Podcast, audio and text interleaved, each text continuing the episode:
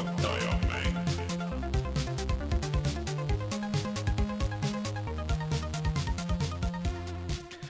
tere tulemast, on reede, esimene mai aastal kaks tuhat kakskümmend ja on aeg puhata ja mängida. mina olen Rainer Peterson ja tahan eh, enda poolt soovida nüüd eh, kõigepealt eh, kõigile head alanud Eesti mängude kuud. sellel puhul on minuga täna siin kodustuudiotes kõigepealt Rein Soobel, keda te juba kuulsite, tere. ilma kõnetamata, eks ole, siis eh, Martin Mets tere! ja esimesena eh, Eesti arendajatest, keda me loodame siin eh, sellel kuul meie saatesse saada, Leene Künnap. tere! Leene on siis üks Eesti mängu Death and Taxes'i arendajatest. Leene, ma saan aru, et sa oled eh, karantiinis kuskil Rootsimaal koos teiste mänguarendajatega, jah? Ja just nimelt, et see on perfektne koht, kus karantiinis olla umbes kolmekümne teise ähm, mänguarendajaga üle maailma siis siin kinni.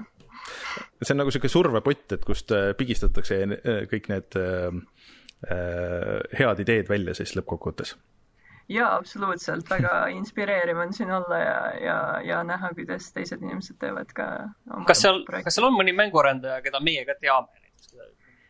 mõni mäng, mis on mm, John Karma. siin on äh,, hetkel on siin, on äh, selline tüüp nagu Retro, ta teeb äh, Pixel Art Academy't, võib-olla olete kuulnud üldiselt on üsna suured ja uued, nagu väiksed, pigem väiksed ja uued projektid siin.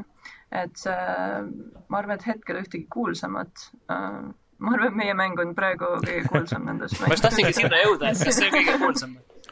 ja, ja aga kas see on nagu mingisugune kiirendi või mingisugune kool või mis, mis asutus sellest on? S- ma ütleks rohkem, et see on selline hotell, et sa tuled, maksad oma ruumi eest ja ja siis siin tehakse ülihäid sööke ja sa ise ei pea poes käima ja shoppama, vaid siin tehakse söögid kõigile valmis ja ja põhimõtteliselt sa maksad kõige eest ja sa saad ise enda tervisele ja mängudele keskenduda, see on ainuke selline koht maailmas ka, et hmm. väga lahe koht, selline sõbralik, lahe ja hästi palju indie-mängu tegijaid, ei ole üldse kallis ka, sest me oleme keset metsa kuskil in the middle of nowhere.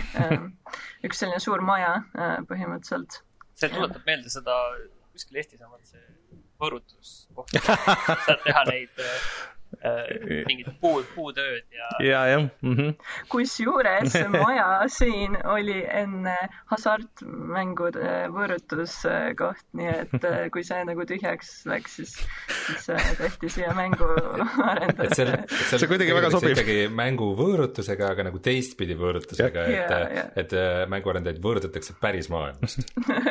aga kas Eestis võiks ka midagi sarnast teha? absoluutselt, see oleks väga lahe mm.. Eestis on ka üsna head nagu, ei ole väga kõrged hinnad nii-öelda ja väga lahe oleks, kui selline asi ka Eestis tehtaks, see on küll nagu suur töö, et sellist asja teha, aga nagu vabalt, sest kuskil mujal väga sellist asja pole tehtud, et ähm, ma arvan, et ruumi on veel. Aga tuleme varsti tagasi Leenega mm, veel jutustama niisiis Death and Taxes'ist kui mänguarendusest üldiselt.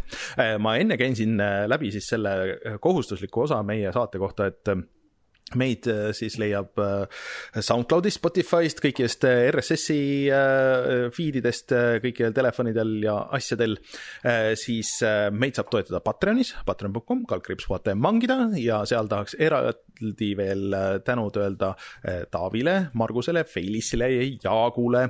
Ja siis kui soovite meid toetada, siis äh, saate näiteks äh, ligipääsu meie Discordile ja saate näiteks särgi ja igasuguseid asju, nii et minge vaadake seal ja saate kõik need äh, saadete introd äh, järgi vaadata, kui te ise ei jõua Youtube'is laivi.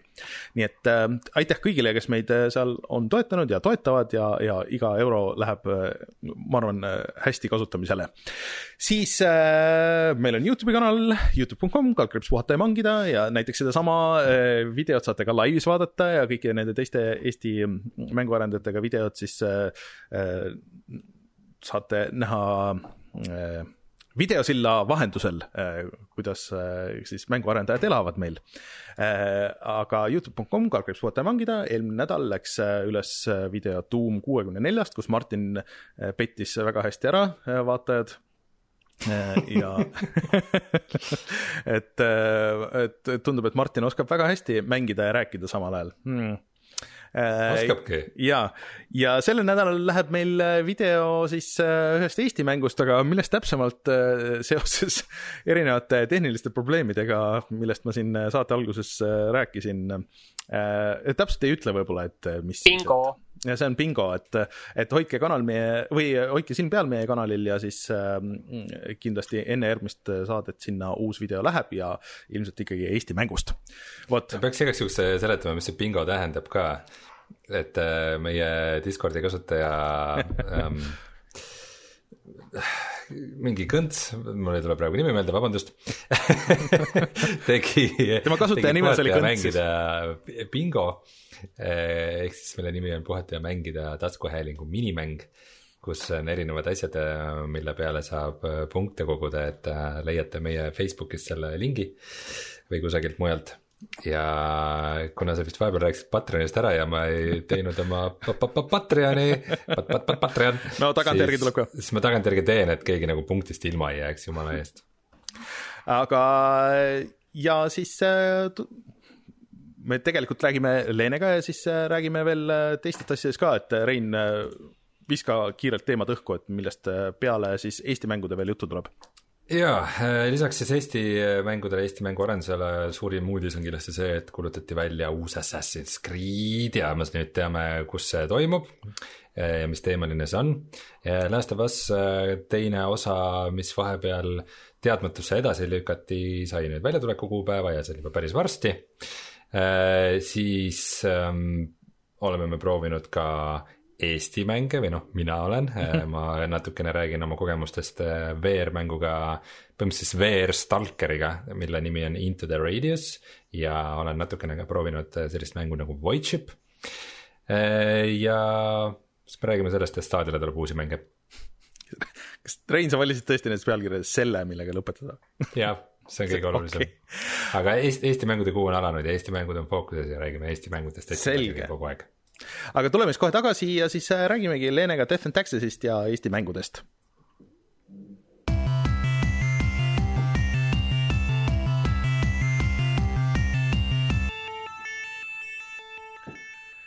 Niisiis, äh, Leene, et äh, ma arvan, et alusta põgusalt võib-olla sealt, et kuidas sa üldse jõudsid mängude tegemise juurde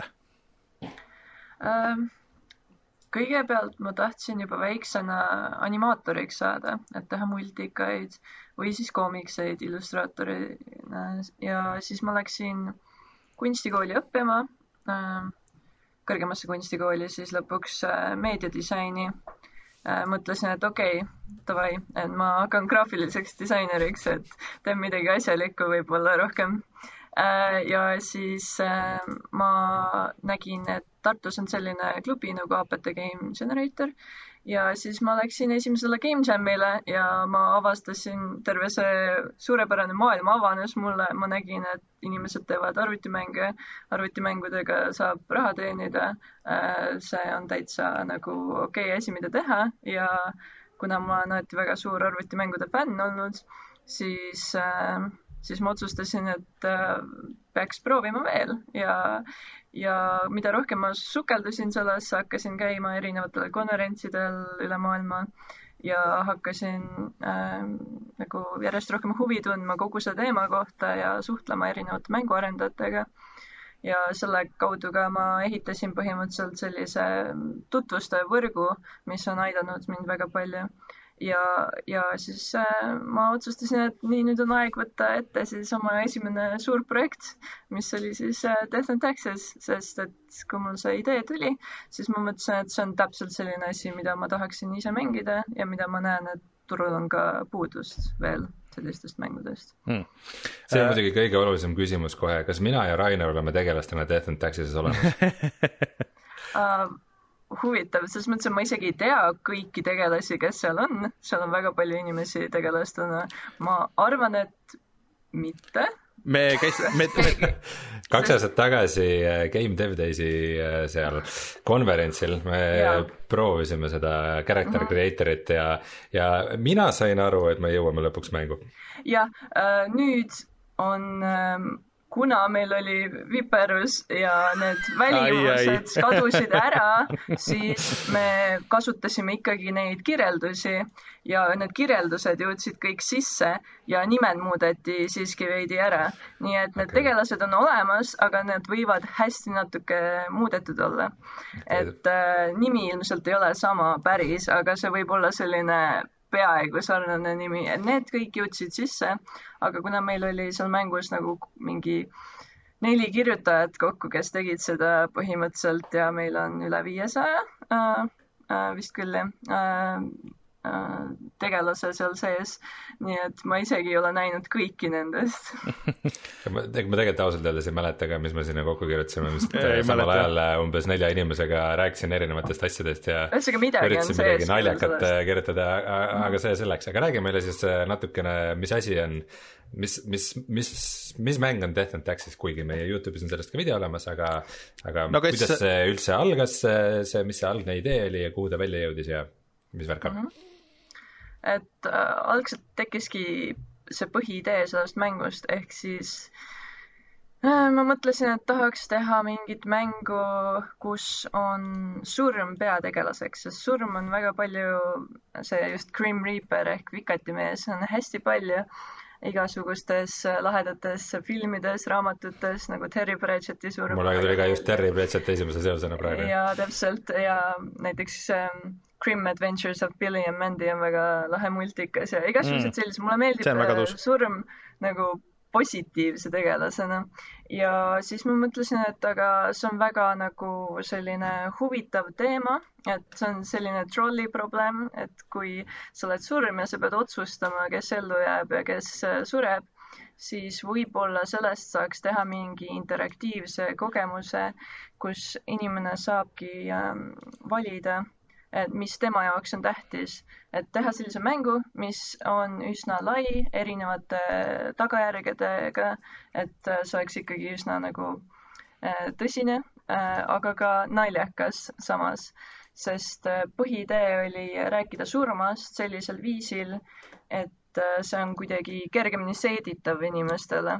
ma tunnen, et meie lääne ühiskonnas on veidi liiga palju seda äh, äh, nagu surma võetakse kuidagi hästi negatiivse ja tavaliselt tabuna isegi, et sellest ei räägita, et kui sa näiteks ütled kellelegi midagi sellist, et aa, keegi mu lähedane suri, siis inimesed tavaliselt on nagu oi-oi, ma väga vabandan, mul on nii kahju või midagi ja siis nad lihtsalt lahkuvad lähevad pildist välja. et äh, ma, kuna ma olen seda nii palju näinud isiklikult, siis ma mõtlesin, et võiks teha veel Äh, selliseid mänge, mis, äh, mis räägivad ka surmast kui kesksest äh, ideest hmm.. jah, ja okay. veidi kergemal viisil ka. aga räägime nüüd selle teema kohe laualt ära, et kuidas sellel mängul nüüd läinud on, et see tuli välja veebruari keskpaigas, see maksab mm -hmm. Steamis kaksteist eurot, praegu on olla hinnatud üheksa euro peale, et kuidas see nüüd müünud on, et olete plussis? Jaa, absoluutselt, väga. Äh, meil läks ülihästi, äh, üllatavalt väga plussis. jah väga plussis. Ähm, äh, kuna me ise ei kulutanud väga palju ja ainuke põhimõtteliselt me tegime revenue share ehk siis igaüks saab oma osa sellest, sellest nii-öelda pirukast, siis meil esimesel kahel nädalal me jõudsime müüa kakskümmend tuhat koopiat mis oli, äh, meie eesmärk oli tegelikult müüa vähemalt kümme tuhat koopiat ja kui me oleme kümme tuhat koopiat müünud, siis me võime öelda, et me oleme edukad olnud ja et kõik saavad täitsa okei okay palga endale kätte. aga äh, nüüd me juba läheneme neljakümnele tuhandele äh, hmm. hetkel äh, müükidega ja ühesõnaga väga hästi läks ja ma põhiliselt olen rõõmus selle üle, et äh, inimesed on väga rahul ka olnud.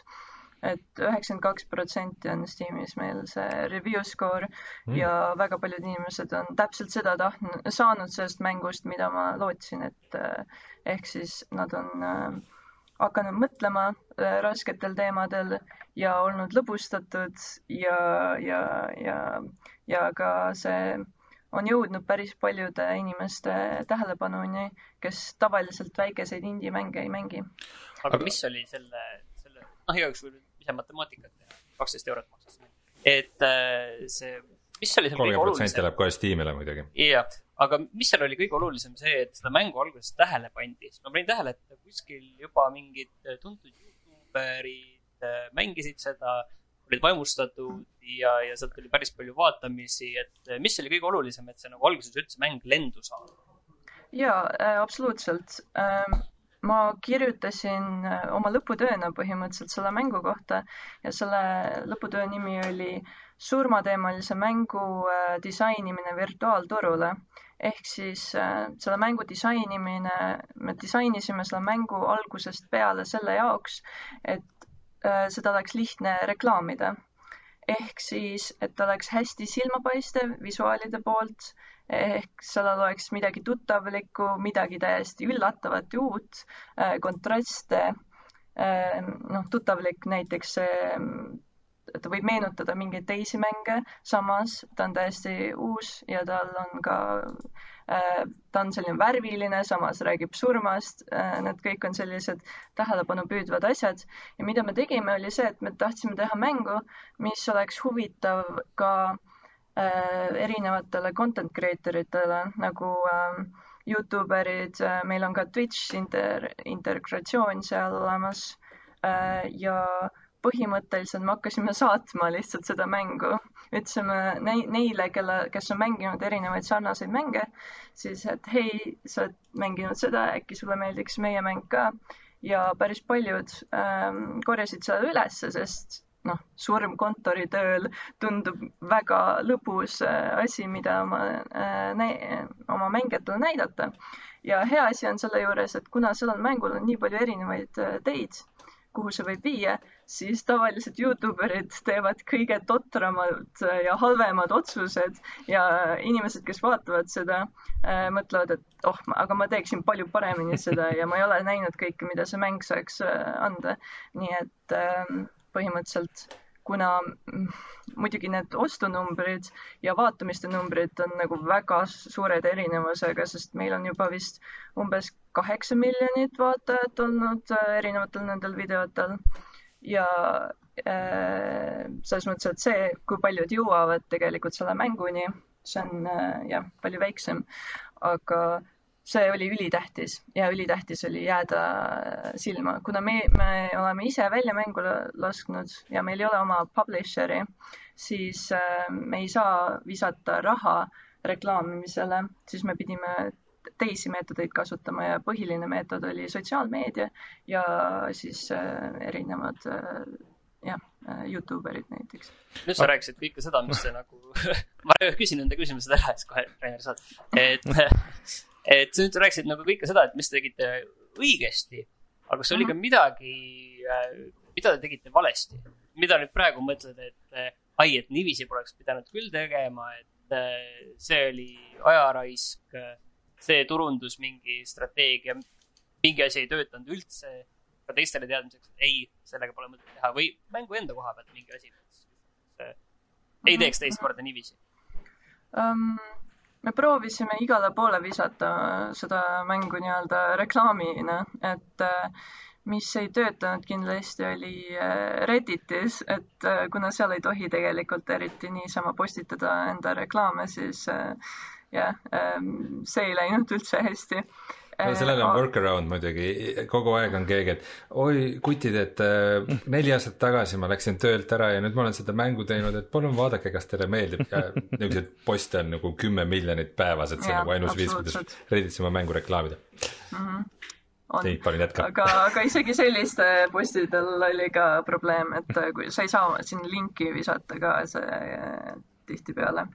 aga ähm, ma arvan, et ma oleksin veel rohkem aega natuke pidanud panema selle mängu äh, gameplay disaini ähm,. see on ainuke nagu koht, mida ma võib-olla natuke kahetsen, mida oleks saanud paremini teha. et seal on väga, seal mängul on väga hea polish igasugustel helil ähm, ja igasugusel äh, nagu välimusel ja kirjutamisel ka muidugi väga-väga head kirjanikud olid meil aga äh, võib-olla oleks saanud veidi huvitavamaks disainida seda, kuna me panime endale selle väljatuleku aja nagu väga kindlalt paika, et veebruaris tuleb ja ükskõik, mis juhtub, see mäng tuleb välja, siis me, siis me ei jõudnud piisavalt võib-olla testida, sest me selleks ajaks teadsime, mis on veel mõned väikesed nagu probleemi, mida saaks veel teha korda mingil viisil, aga nagu selleks hetkeks ei teinud. jah, kui me Martiniga videot lindistasime, siis me sattusime nende äh, väikeste bugide peale, meil crash'is vist kolm korda järjest või midagi siukest. aga. ühe asja küsin veel ära enne kui yeah., et palju teil äh, tiimis liikmeid oli üldse, mitmekesi te seda tegite äh,? kaheksa. Need on, meil oli siis üks muusik üks programmeerija äh,, mina äh,, kes ma siis tegin digikunsti, siis meil oli äh, äh, concept artist, teine kunstnik siis, ja siis meil olid äh, kirjanikud. ja jah, see oli kõik siis et aga kui, kui pikk see aeg oli siis, selle arenduse peale kulus, et ma saan aru, et see, et äh, üks indie-mäng, mida osad ka esimest korda teevad, et see õigel ajal, äh, välja kuulutatud ajal välja tuleb, on ikkagi väga suur haruldus vist see, see oli jah, väga mm,, väga hästi läks, seepärast me suutsime kuidagi eriti hästi panna selle pipeline'i paika niimoodi, et et äh, kõik jooksis siis, kui, kui me hakkasime päriselt tegema. et tegelikult see mõte sellest mängust tuli juba kolm aastat tagasi ja siis ma jõudsin väga palju mõelda, see oli selline eelproduktsiooni aeg nii-öelda, kus me tegime kontseptuaalkunsti ja sai hästi palju mõelda selle äh, maailma ja kõige selle peale. aga täisajaga paar inimest, siis äh, äh, meil oli niimoodi, et kõik olid üsna poole ajaga ja, ja, ja kaks inimest oli siis täisajaga Äh, niimoodi me tegime seda mingi seitse kuud. Ja see oligi, siis me panime paika, et seitsme kuu pärast tuleb mäng välja. Ja siis me lasime järjest. Et Aga... siin oli väga hea seda teha, seepärast et äh, meil oli palju aega ja nagu keskendumist siin äh, selles toredas mänguarendajate külakeses, kus me elame aa, sa olid juba siis Rootsis, kui te tegite seda? ja, ja just, me tulime siia eh, koos eh, Otiga, eh, kes on meie programmeerija. aga kas me ikkagi see... loeme seda Eesti mänguks, on ju, lepime selle kohe kokku absoluutselt, sest meil on ainult, meil on peaaegu kõik eestlased ja suurem osa inimestest, kes töötasid selle kallal, kõik kirjanikud olid eest, eest, Eestis. ainuke inimene meil oli voice actor'id olid välismaalt, muidugi neid ma ei lugenud tiimi sisse, neid oli ka kolm inimest ja siis oli äh, muusik Uus-Meremaalt, aga teised on kõik Eesti, eestlased. räägi korra sellest äh, mängu äh, hinnastamisstrateegiast ja et kas ei olnud kiusatust mingit early access'i versiooni välja lasta, et see mäng maksab kaksteist eurot ja, ja praegu on allahinnatud üheksa peale, selle ära. jah see hind oli väga teadlik, et äh, üldiselt sellised mängud maksavad umbes nii palju ja kõik soodukad, mis me olemegi teinud, ongi tõmmanud hinna alla siis kümne euro, dollari mm, ja, ja ka selle poundi. Äh, meil on põhimõtteliselt me tahtsime teha sellise, sellised soodukad, mis viivad täpselt alla kümne, see tundub nagu veidi suurema soodukana. see võib kõlada jah, kahtlasena. see on müügistrateegia. kahtlase trikina, aga, aga selline asi peaks töötama hästi ja me ei tahtnud üle hinnata kindlasti seda mängu, seepärast et see toob ka negatiivseid äh, hääli sellele. ja samamoodi panime ka demo välja, sellepärast et kõik saavad proovida enne, kui nad on kin-, kui nad ei ole kindlad, kas nad tahaksid mängida. aga ma tahaks äh, lihtsalt äh, küsida, et mis teile siis äh, tegemise ajal nagu see kõige suurem väljakutse oli, et sa ütlesid, et noh, et oleks võinud muidugi panna sinna mängu disaini nagu rohkem aega, aga et, et äh, aga mis, mis teil kõige raskem oli selle kogu protsessi juures? uh um kogu see asi tegelikult kõik see kokku äh, minu, minu jaoks isiklikult võib-olla oli nagu kõige raskem kogu aeg nii-öelda mütse vahetada. ehk siis äh, tegeleda poole kohaga reklaamindusega, poole kohaga teha samal ajal content'i, kunsti teha valmis, samal ajal tiimi juhtida ja üritada kõike nagu äh, tasakaalustada täpselt. et nii palju juhtus äh, sellist olukorda, kus äh, Äh, me ei olnud planeerinud näiteks mingeid hetki, et me ei olnud veel mingitele Youtube eritele saatnud asju, aga keegi juba kuskilt leidis selle ja siis me pidime kõik ära viskama, et me praegu ei tee midagi muud, me tegeleme ainult nagu community'ga. et selline erinevate asjade vahel pidev hüppamine, see kogu see projekti nagu, see oli nii palju, ühesõnaga see on ähm, kui teha sellist asja, siis mul on selline tunne, et see on nagu elustiil, mulle väga meeldib see, aga eks see on üsna stressirohke ka ja, ja noh, viimastel kuudel me jah, väga palju midagi muud ei teinud peale selle mängu, nii et äh, jah, see. aga kui teil nüüd Death and Taxes on valmis ja kas te siis äh, timmite seda ka veel, äh, teete mingisuguseid batch'e või on plaanis sellele mingisugust lisapakki või äh, teete te nüüd mingisugust täiesti uut projekti? hetkel me teeme veidi pausi, aga me tegeleme ikkagi selle mängu portimisega näiteks Switch'ile uh. ja erinevatesse keeltesse ka. uudis tuli juba ära nüüd siin mm.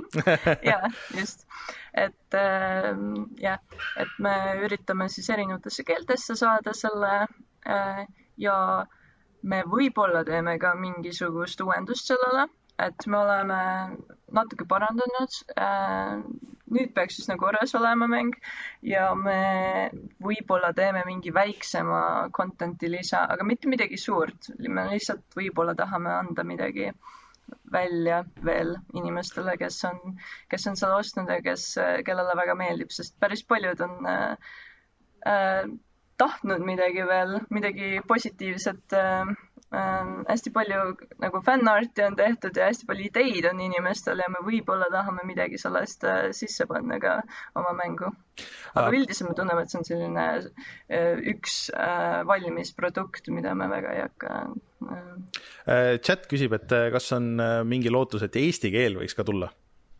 ja kusjuures on, me alustasime just community äh, äh, nagu äh, tõlkeprogrammi? kogukonna lokaliseerimine. ja, ja põhimõtteliselt mm. ja, ja, ja lokaliseerime niimoodi ja meil on üks programm ja tegelikult kui äh, meie Discordiga liituda, siis igaüks võib kaasa äh, lüüa, lüüa sellele, et aidata äh, ka Äh, meid siis äh, eesti keelde saada, et eesti keel on üks äh, keeltest küll seal, et meil ei ole kedagi veel, kes, kes tõlgiks, aga vaatab, võib-olla me ise, ise teeme ka seda no.. aga teie Discordi leiab kuidas muidu, kui keegi tahakski nagu päriselt?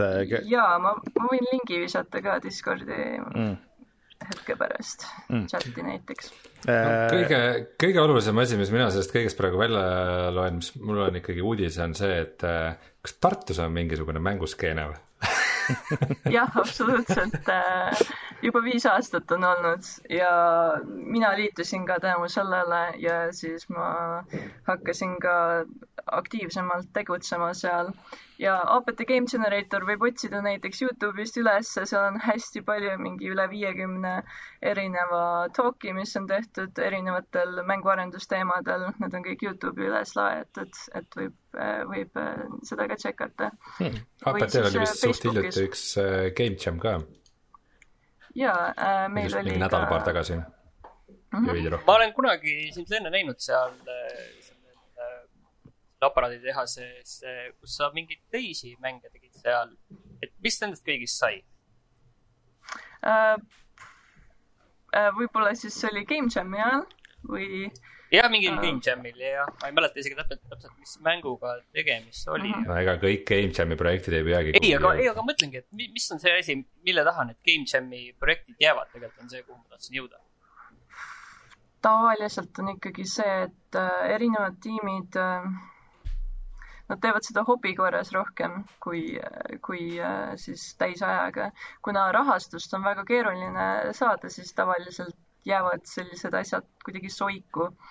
ja inimesed ei tegele, kui, kui ei ole piisavalt nagu lootust või midagi sellist. et ähm, mm, seda peab tavaliselt vabast ajast tegema aga jah, ma ise olen, ma ei tea, millisest kindlast Game Jamist äh, sa räägid, sest ma ise olen umbes üle kahekümne Game Jami osa võtnud, et ma olen, mul on veidi probleeme ei, see oligi laiem, laiem. mulle väga meeldib teha nagu äh, midagi valmis äh, ja Game Jamid on suurepärased äh, asjad, millest nagu osa võtta, et paari päevaga päriselt midagi valmis teha mm.. aga zoom ime nüüd selle pildi välja, et äh, vaatame natuke seda Eesti mängutööstust laiemalt, et millest see Death and Taxis on üks pusletükk. nii. Et Leene, kuidas sa hindad meie seisu praegu uh,? praegu on uh, järjest paremaks on äh, muutunud seis, et see oli päris nukker äh, tükk aega, aga järjest rohkem mänge on viimasel ajal välja tulnud, mis on väga positiivne. Aga meil ei ole ikkagi väga ühtset ähm, nagu äh, community't, et see on veidi, veidi killustunud endiselt ja kuna Eestis ei võeta endiselt väga nagu asjalikult mänge, siis see on probleem, kuna mul on väga hea võrdlus Soomega Äh, Soomes ähm, nii valitsus aitab, kultuurifondid aitavad, investorid aitavad, neil on väga palju erinevaid äh, inkubaatoreid, erinevaid äh, asju, kust, kust saab nii raha kui ka nagu toetust erinevatele asjadele ja Eestis see puudub hetkel. aga räägime rahast selles mõttes, et, et Disco Elysium oli üks suur erand, mis sai suure investeeringu ja sai jooksvalt hästi raha peale, et kui keeruline üldse on Eestis. mul on nüüd hea idee, mul on äh, põhimõtteliselt enam ka tiim koos, et idufirmad siin korjavad raha vasakult paremalt, võib-olla mitte just täna enam niiviisi, aga muidu natuke aega tagasi küll. et kuidas äh, on see, et kui sa tuled, tere, et ma tahaks mängu teha, et äh, kelle uksele sa koputad või kuhu sa räägid, kellega sa räägid? ja see ongi üsna, ma ütleks, et hetkel on see üsna peaaegu et võimatu niimoodi. mit-, eh, sa võid leida investori välismaalt ja sa võid ka seda teha läbi mingisuguse kirjastaja. aga Eestis ma ei tea väga palju näiteid, kes oleks saanud investoritelt raha, sest et äh, Eestis rohkem nagu loodetakse igasuguste muude IT-ettevõt-, ettevõtjate peale ja ei ei nähta endiselt seda olukorda, kus tegelikult äh, mängutööstus on suurem kui filmi- ja muusikatööstus kokku nüüdseks.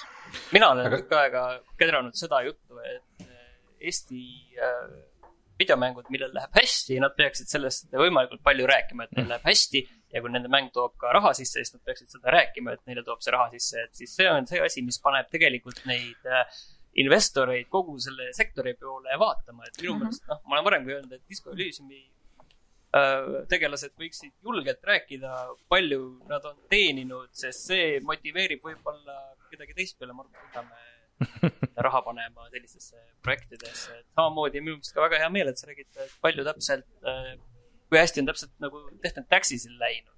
võib-olla näiteks on ju järgmisele projektile niiviisi lihtsam raha taha saada aga ma tahtsingi kohe, kohe küsida, et kui te alustasite seda, sa ütlesid, et ähm, teil oli kaks inimest äh, täiskohaga, et et kuidas need inimesed äh, ära elasid või, või nad tegidki seda äh, või vanadest ähm, vana rasva pealt. vana rasva, vana rasva pealt põhimõtteliselt niimoodi ongi. aga Tegi... nüüd hetkel on meil nüüd äh, nii-öelda runway'd, et isegi mitu aastat elada edasi ja teha järgmisi projekte, nii et, äh, et see läks tööle nii-öelda, tuleb loota, et järgmistel projektidel läheb ka hästi. et iga mängu tegemine siis põhimõtteliselt nagu indie-arendajana niisugune loterii, et äh, ma nüüd äh, aasta-paar nagu täielikult või mitte viis aastat, äh, keskendun ainult sellele ühele asjale ja siis, kui see mäng välja tuleb, siis ma saan teada, kas ma nende aastate eest ja oma töö eest saan ka palka või mitte jaa, absoluutselt. kõlab, kõlab päris stressirohkelt mõned stuudiod, absoluutselt, see on küll, see ei ole väga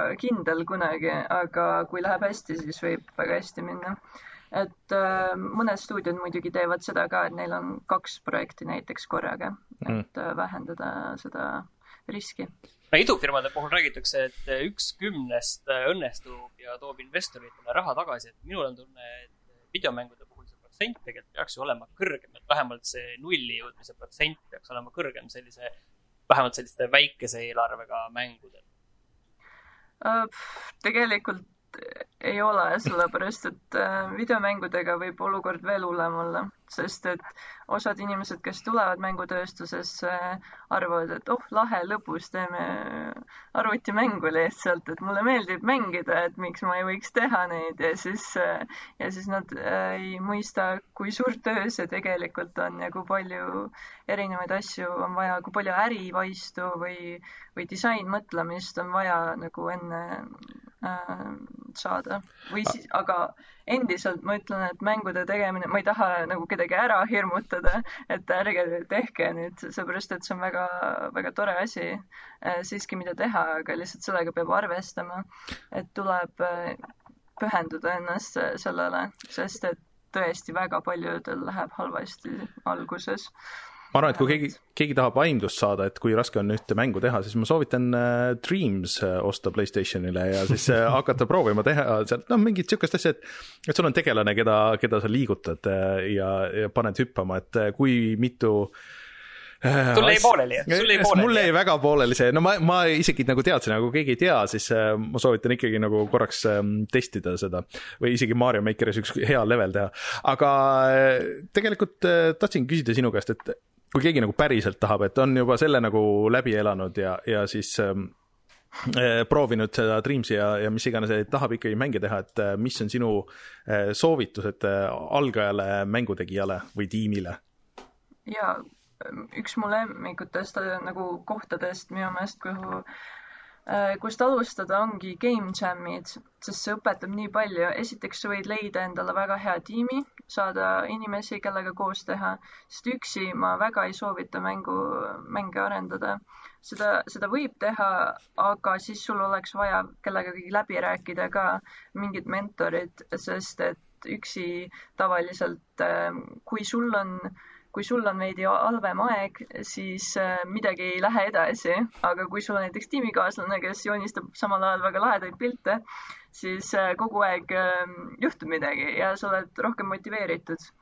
Äh, aga parim koht, kus alustada, on game jam'id ikkagi. Ähm, näiteks APT Game Generator te tekitab neid, teeb, võib Facebookis jälgida neid, siis, siis on näha. Siis IKTA Estoniat võib ka jälgida või teisi.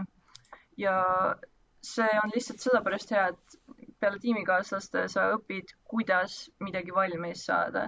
et ükskõik, mis su oskused on, siis äh, sa saad äh, minna sinna ja teised inimesed võivad aidata sind ja koos mäng valmis teha nagu algusest lõpuni ainult paari päevaga see on põhimõtteliselt, see on pool võitu nii-öelda, et kui sa sellega saad hakkama, siis äh, võid hakkama saada ka nagu sellise projektiga, mis võtab näiteks aasta. aga kas sa soovitaksid ka minna mingisse kooli, eriti just Eesti kontekstis, äh, minna kooli ja mänguarendust õppida või sa arvad, et see ei ole kõige efektiivsem viis, kuidas läheneda? jaa, kindlasti. Ähm, kindlasti võiks õppima ka minna, ma ise Äh, arvan, et, äh, et võib erinevaid erialasid proovida, oleneb, millest rohkem nagu huvitatud oled. et Eestis kõige rohkem ongi näiteks programmeerimist või tarkvara arendamist õpp, õppima läinud inimesed on, on teinud mänge, et järjest rohkem muidugi ilmselt nagu tehakse ka mänguteemalisi kursuseid, aga mulle isiklikult jubedalt meeldis äh, Äh, Tartu Kõrgemas Kunstikoolis meediadisaini õppida, sest kuigi nad ei räägi mängudest, siis nad rääkisid kogu sellest äh, turuolukorrast ja äh, üldiselt graafilisest disainist ja visuaalsest disainist ja igasugust projekti tegemistest ja, ja ma sain nagu suurema osa asjadest, mida nagu vaja on äh, sealt kätte hmm,. aga Tartu Kõrgemas Kunstikoolis niisugust nagu eraldi mängude eriala ju ei ole? ei ole aga Tartu Ülikoolis äh,? ei ole ka hetkel, et meil on minoris on, äh, on äh, mängudisaini eriala mm, -hmm. et seda ja... saab õppima minna. ja Tallinna Ülikoolis on veel sihuke siis nagu, varem oli vist tõsimängude kursus, aga nüüd selle nimi on vist õpimängude eriala mm. ja kas ei olnud mitte Estonian Business Schoolis mingisugune mängude ärijuhtimise eriala millalgi ka, ma ei ole kindel, kas see praegu on aga Tartu Ülikoolis on tegelikult mingisugused äh, ained ka, äh, mida saab võtta, kui võtta näiteks tarkvaraarendust, siis oli näiteks erinevad visuaalsete asjade mm, projektid, et äh, seal nendes saaks ka õppida teha projektina tegelikult arvutimänge ja ka lõputöödena on tehtud samamoodi nagu mina tegin äh, kõrgemas kunstikoolis, siis saab Tartu Ülikoolis äh, ka lõputööna teha arvutimängu. ja on ka osad äh, õppejõud, kes, kes on huvitatud ise arvutimängudest ja, ja nende kursustel on võimalik seda teha no tundub on..., et see asi nagu liigub vaikselt paremuse suunas, aga ta võiks liikuda kiiremini. jaa, absoluutselt. Meil kujuta... nüüd jah, küsi, Reiner. ei, ma lihtsalt tahtsin öelda, et ma ei kujutagi ette, et kas see praegune situatsioon, mis meil siin maailmas on, et kas see nüüd nagu kiirendab seda mängudeni jõudmist siin Eestis või, või pigem aeglustab? lihtsalt sihuke võiks loota, et kiirendab inimesed saavad aru, et on okei okay mängu, mängida üksinda kodus jaa, näiteks seda ja inimesed, see on ka asi, mida nagu kodus saab teha. ma tean inimesi, kes on nüüd hakanud mingeid oma mänguprojekte tegema, sest neil on nüüd rohkem aega ja on rohkem kodus. meil on nüüd äh, selline väike traditsioon äh, plaanis, et äh, kõik Eesti mänguarendajad, kes meil käivad saates külas, annavad ka paar mängusoovitust, mida mängida, mida nad ise mängivad, mida nad tahaksid mängida. et mis sina soovitad? Äh, mm, kuna praegu just täna äh, on viimane päev vist seda Ludunarakoni, äh, siis kus saab odavamalt erinevaid mänge osta, mis on siis story põhised mängud, siis ähm, ma ise viimati mängisin, üks mu lemmikutest viimase mängudest on Hypnospace Outlaw see on selline mäng, kus sa lähed, sa oled sellises äh, retrointernetis. Mm, sul on oma virtuaalne desktop äh, ja see on selline arvutimäng. Äh, sul on ja see kõik näeb välja nagu üheksakümnendate internet ja see on hästi crazy ja hullumeelse visuaaliga ja sa pead seal ringi käima ja nii-öelda politsei olema, et sa üritad seal mitte viiruseid saada ja sa pead, äh, sa pead äh, igasugust harassment'i ja illegaalset tegevust äh, blokeerima.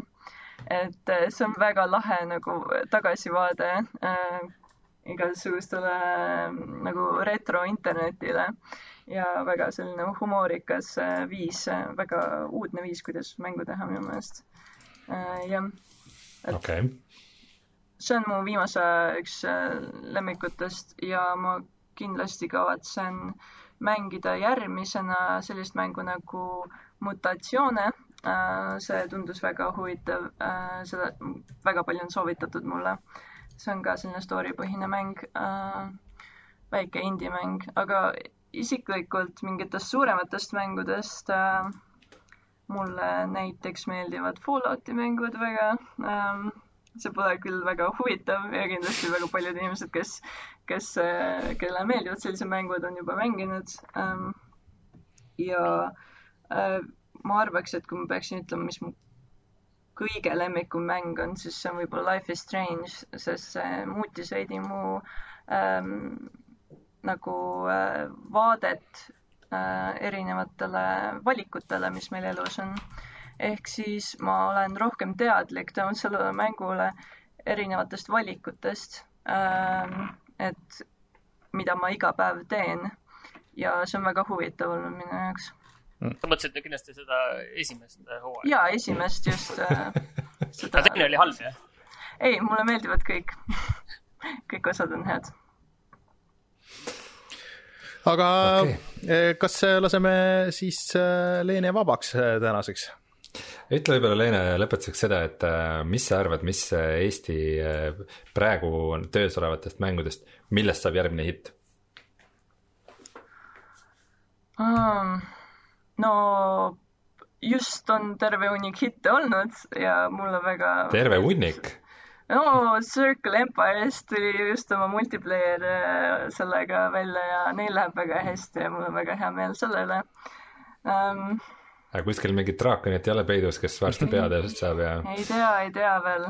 sinu järgmine mäng ilmselt siis ah, jah vaatab seda ka. kas teil on kuupäev paika pandud järgmisel? mingid plaanid on olemas, mingid ideed on olemas, aga kuupäeva kohe kindlasti mitte, et võtame hästi rahulikult praegu selge, aga äh, aitäh siis äh, Leenele ja aitäh, et sa aitasid meil avada selle Eesti mängude kuu ja, ja avasid neid tagamaid, et ma arvan, et äh, sa oled kindlasti teretulnud tagasi. kui sul on äh, midagi uut näidata, uut rääkida või tule lihtsalt niisama, räägi meiega mängujuttu. ja hea meelega tore, et te teete sellist kuud, väga vahva. Aga aitäh ja eh, nüüd eh, ma ei teagi, kuidas, kuidas, kas ma saan sind, eh, sind saata koju? kikkida. sind välja kikkida siit. ma võin ise lahkuda. Aga aitäh Leenele ja meie lähme edasi, lähme edasi kodu uudistega, tšau.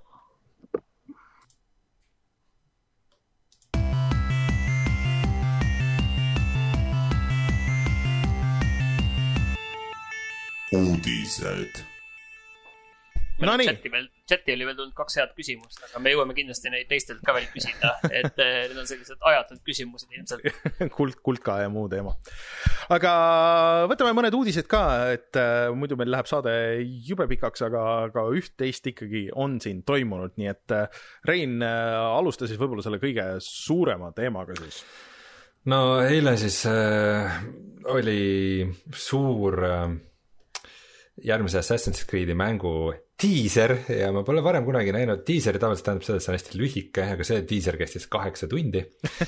ehk siis äh, keegi artist äh, siis kaheksa tundi tegi Photoshopi pilti sellest, kus järgmine Assassin's Creed'i mäng toimub ja nüüd me teame, selle alapealkiri on Valhalla. ja järgmine Assassin's Creed on viikingi teemaline. aga kus see äh, toimub? Valhallas, mina ei tea, kuskil no. Norras, Norras kandis wow see on nat-, selles mõttes natuke jama, mina olen natukene pettunud, et mina saan aru, et see enamik mängust, kui ma nüüd õigesti lugesin, toimub kahjuks äh, Britannias. et see mm. mingi osa on ka Norras ja nii-öelda see kaart ja laevad ja värgid ongi siis nagu Põhjamerel, mis tegelikult on igav, see peaks olema ikka Läänemerel ja niiviisi ja lisapakiga peaks tulema. Saaremaa. see Saaremaa ja Eesti ja see jumala hästi sobiks. see on kasutamata võimalus Ubisoft täiesti, aga no ma vaatasin ka seda treilerit, mida muideks näeb seal meie videoaknas ka, aga äh, mulle natuke tundub nagu see God of War vibes, et äh, ma arvan, et nad ei pääse sellest äh, God of War'i võrdlusest siin. Äh, aga, aga noh, nüüd ongi see vahe, et God of War oli sihuke lineaarne, Assassin's Creed on alati olnud hästi noh, nagu avatud maailm ja kõik nagu need asjad on ju, et aga huvitav, kui palju siin seda merevärki saab olema, et tundub, et vist ikkagi nagu pigem nagu palju, et läheb tagasi sinna Assassin's Creed nelja või midagi siukest või? no merevärki on olnud ju vahepeal siin, ega seal oli, kui Aa, õige, selles, äh, see, pärast seda tuli see äh, Odyssey, aga minul, mulle, ma saan aru, et see on veel isegi veel rollikalikum ja see, mis ta teeb eriliseks võib-olla on see, et sul on enda küla ja mhm. enda selline konkreetne selline linn, mida sa, milles noh, ongi, tulevad uued hooned, asjad, mida sa arendad ja sul on nagu selline keskne. Assassin's Creed kahes oli ka midagi siukest. sõlmpunkt nagu seekord.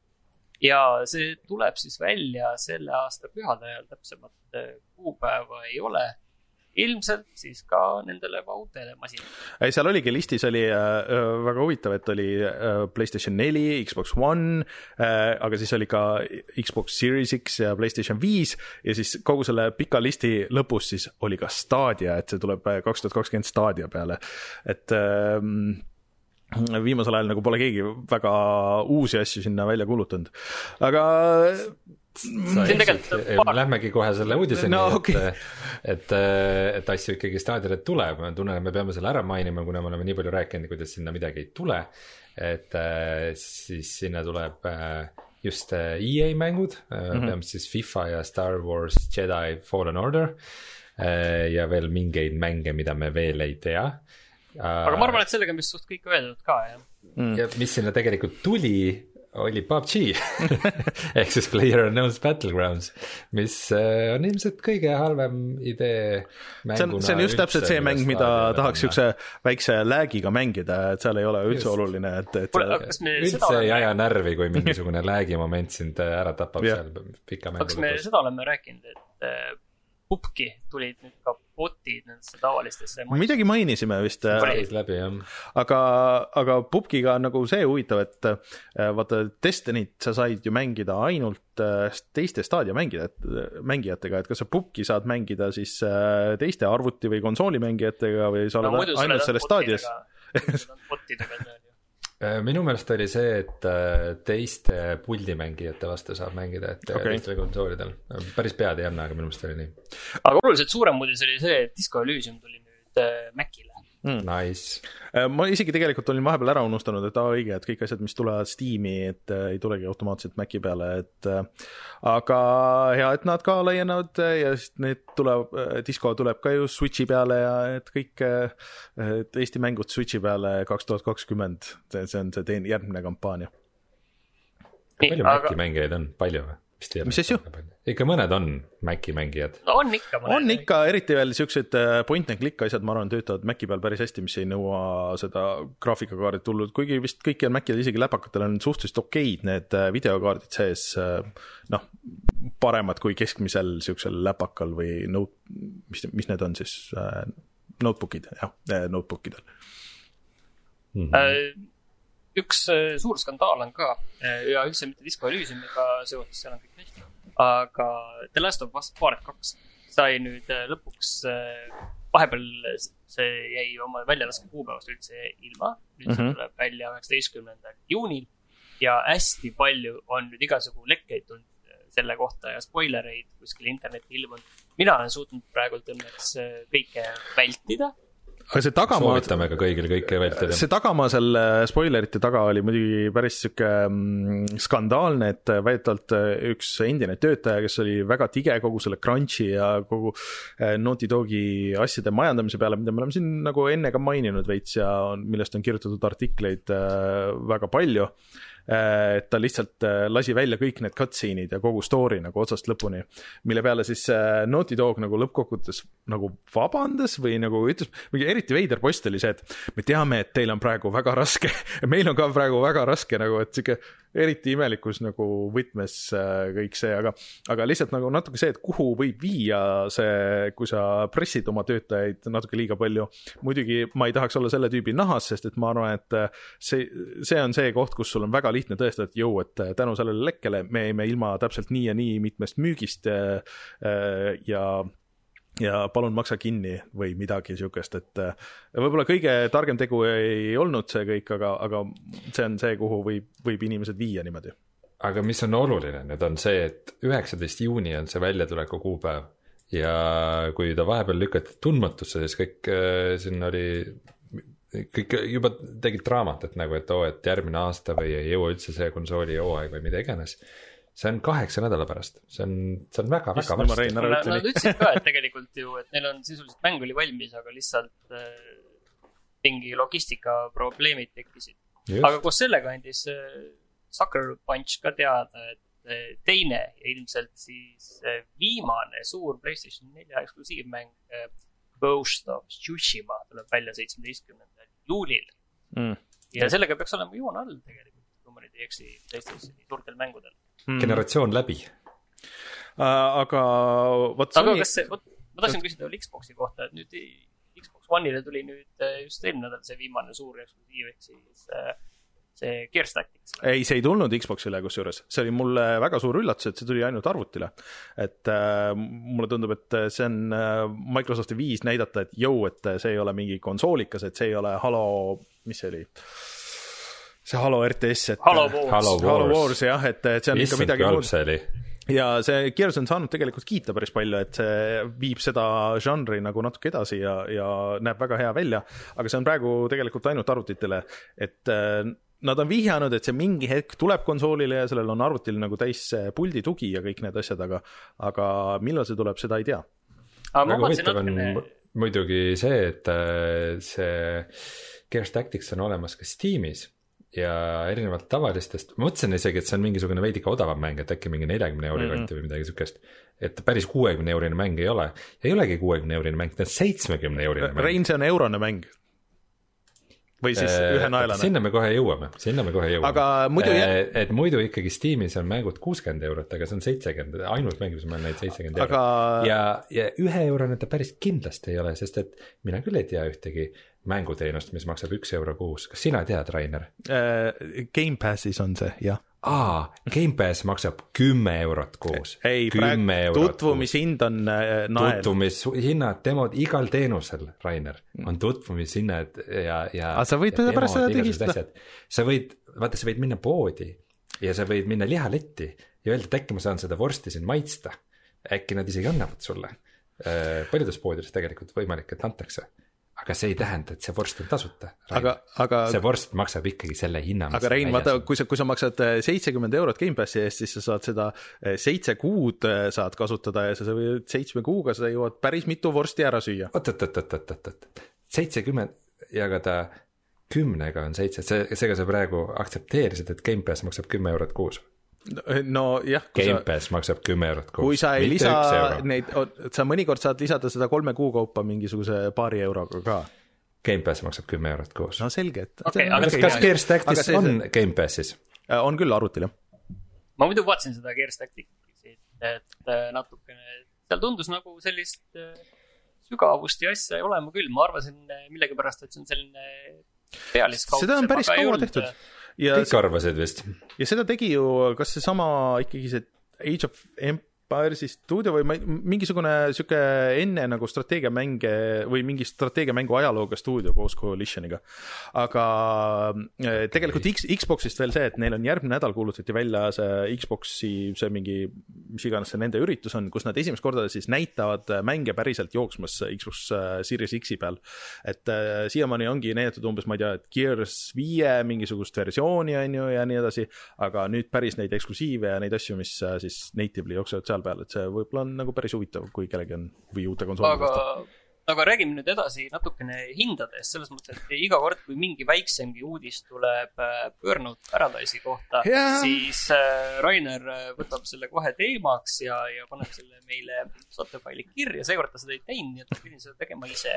ma vaatasin, et samal päeval, kui Last of Us tuleb välja, jõuab ka Burnout Paradise remastered, jõuab Switch'ile ja see on ju hea uudis, Rainer, eks ole?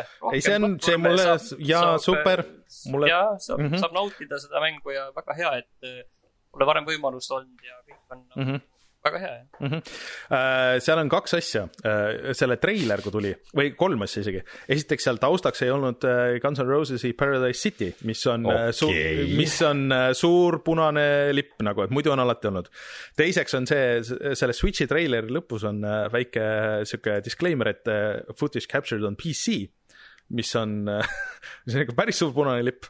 ja siis äh, viimane punane lipp on see, et äh, selle hind saab siis olema, mis see, mis see täpselt oli ähm,? nelikümmend viis naela. 45 naela, et- eurodes teeb kindlasti mitte vähem, aga vähemalt nelikümmend viis ta teeb, et kuidas see võimalik on? et seda, selle ma viskaks nüüd kõik EA kapsaaeda, sest et EA on äh, keeldunud äh, üldse nagu Switch'i peale üldse toomast mingisuguseid asju, et mõni üksik asi, noh, nii vanadest kui uutest, et mingid äh, FIFA versioonid on, aga nagu ka vaata, mitte nagu spets, need äh, võib-olla noh, need on nagu need äh, nii-öelda üks äh, käik maas ja, ja, mingid siuksed on, et neil on mingi beef Nintendoga, et, et ma ei tea, miks just Burnout Paradise nagu selleks valiti, mis on tore, aga ma Nad ei arvan, taha seda mängu müüa, nad ei taha seda ma ei, ma ei saa aru panevad nagu välja. jah, et, et, et see on, mulle tundub, et see on kellegi nagu see viis, et me laseme selle välja viiekümnega põhimõtteliselt vist see- või midagi siukest ja siis näitame, et näed, see ju ei müünud, et meil ei ole mõtet Switch'i peale teha asju ja siis sihuke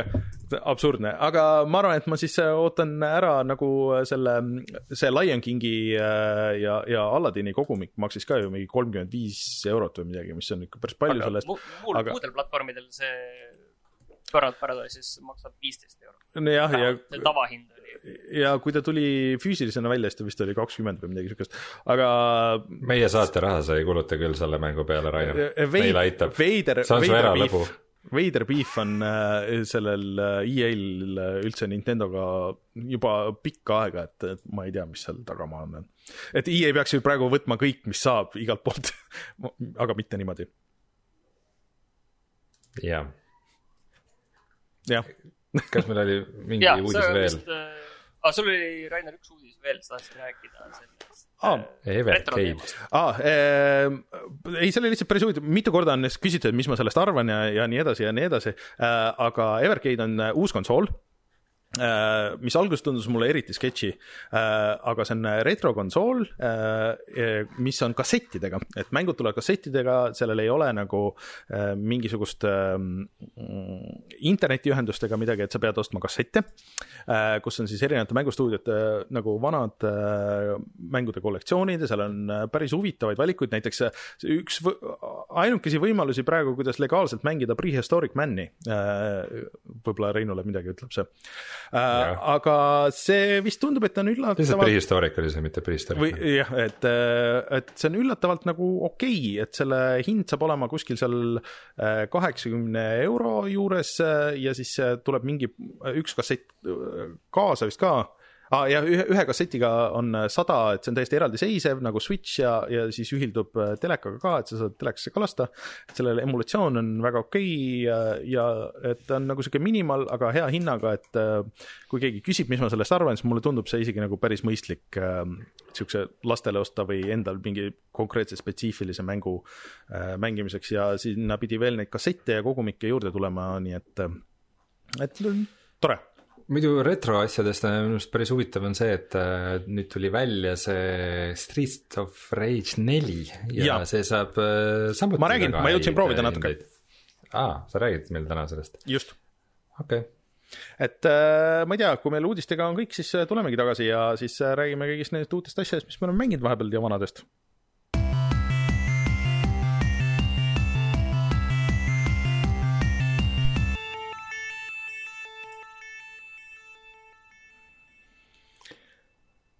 Alustame siis Eesti mängudega, Rein milliseid Eesti mänge te olete mänginud viimasel nädalal? äh,, Overstepi, mina olen vaadanud, kuidas ta uuesti aga ma, ma pean ütlema, et jah, teie kodune töö on tehtud. aga, aga ma pean ütlema nagu ühte asja, et äh, kui ma vaatan Nii. kõiki neid Eesti mänge, mis üldse kunagi tehtud on, siis äh, seal on äh, väga domineerivad mingid teatud žanrid, millest mulle ei meeldi eriti ükski.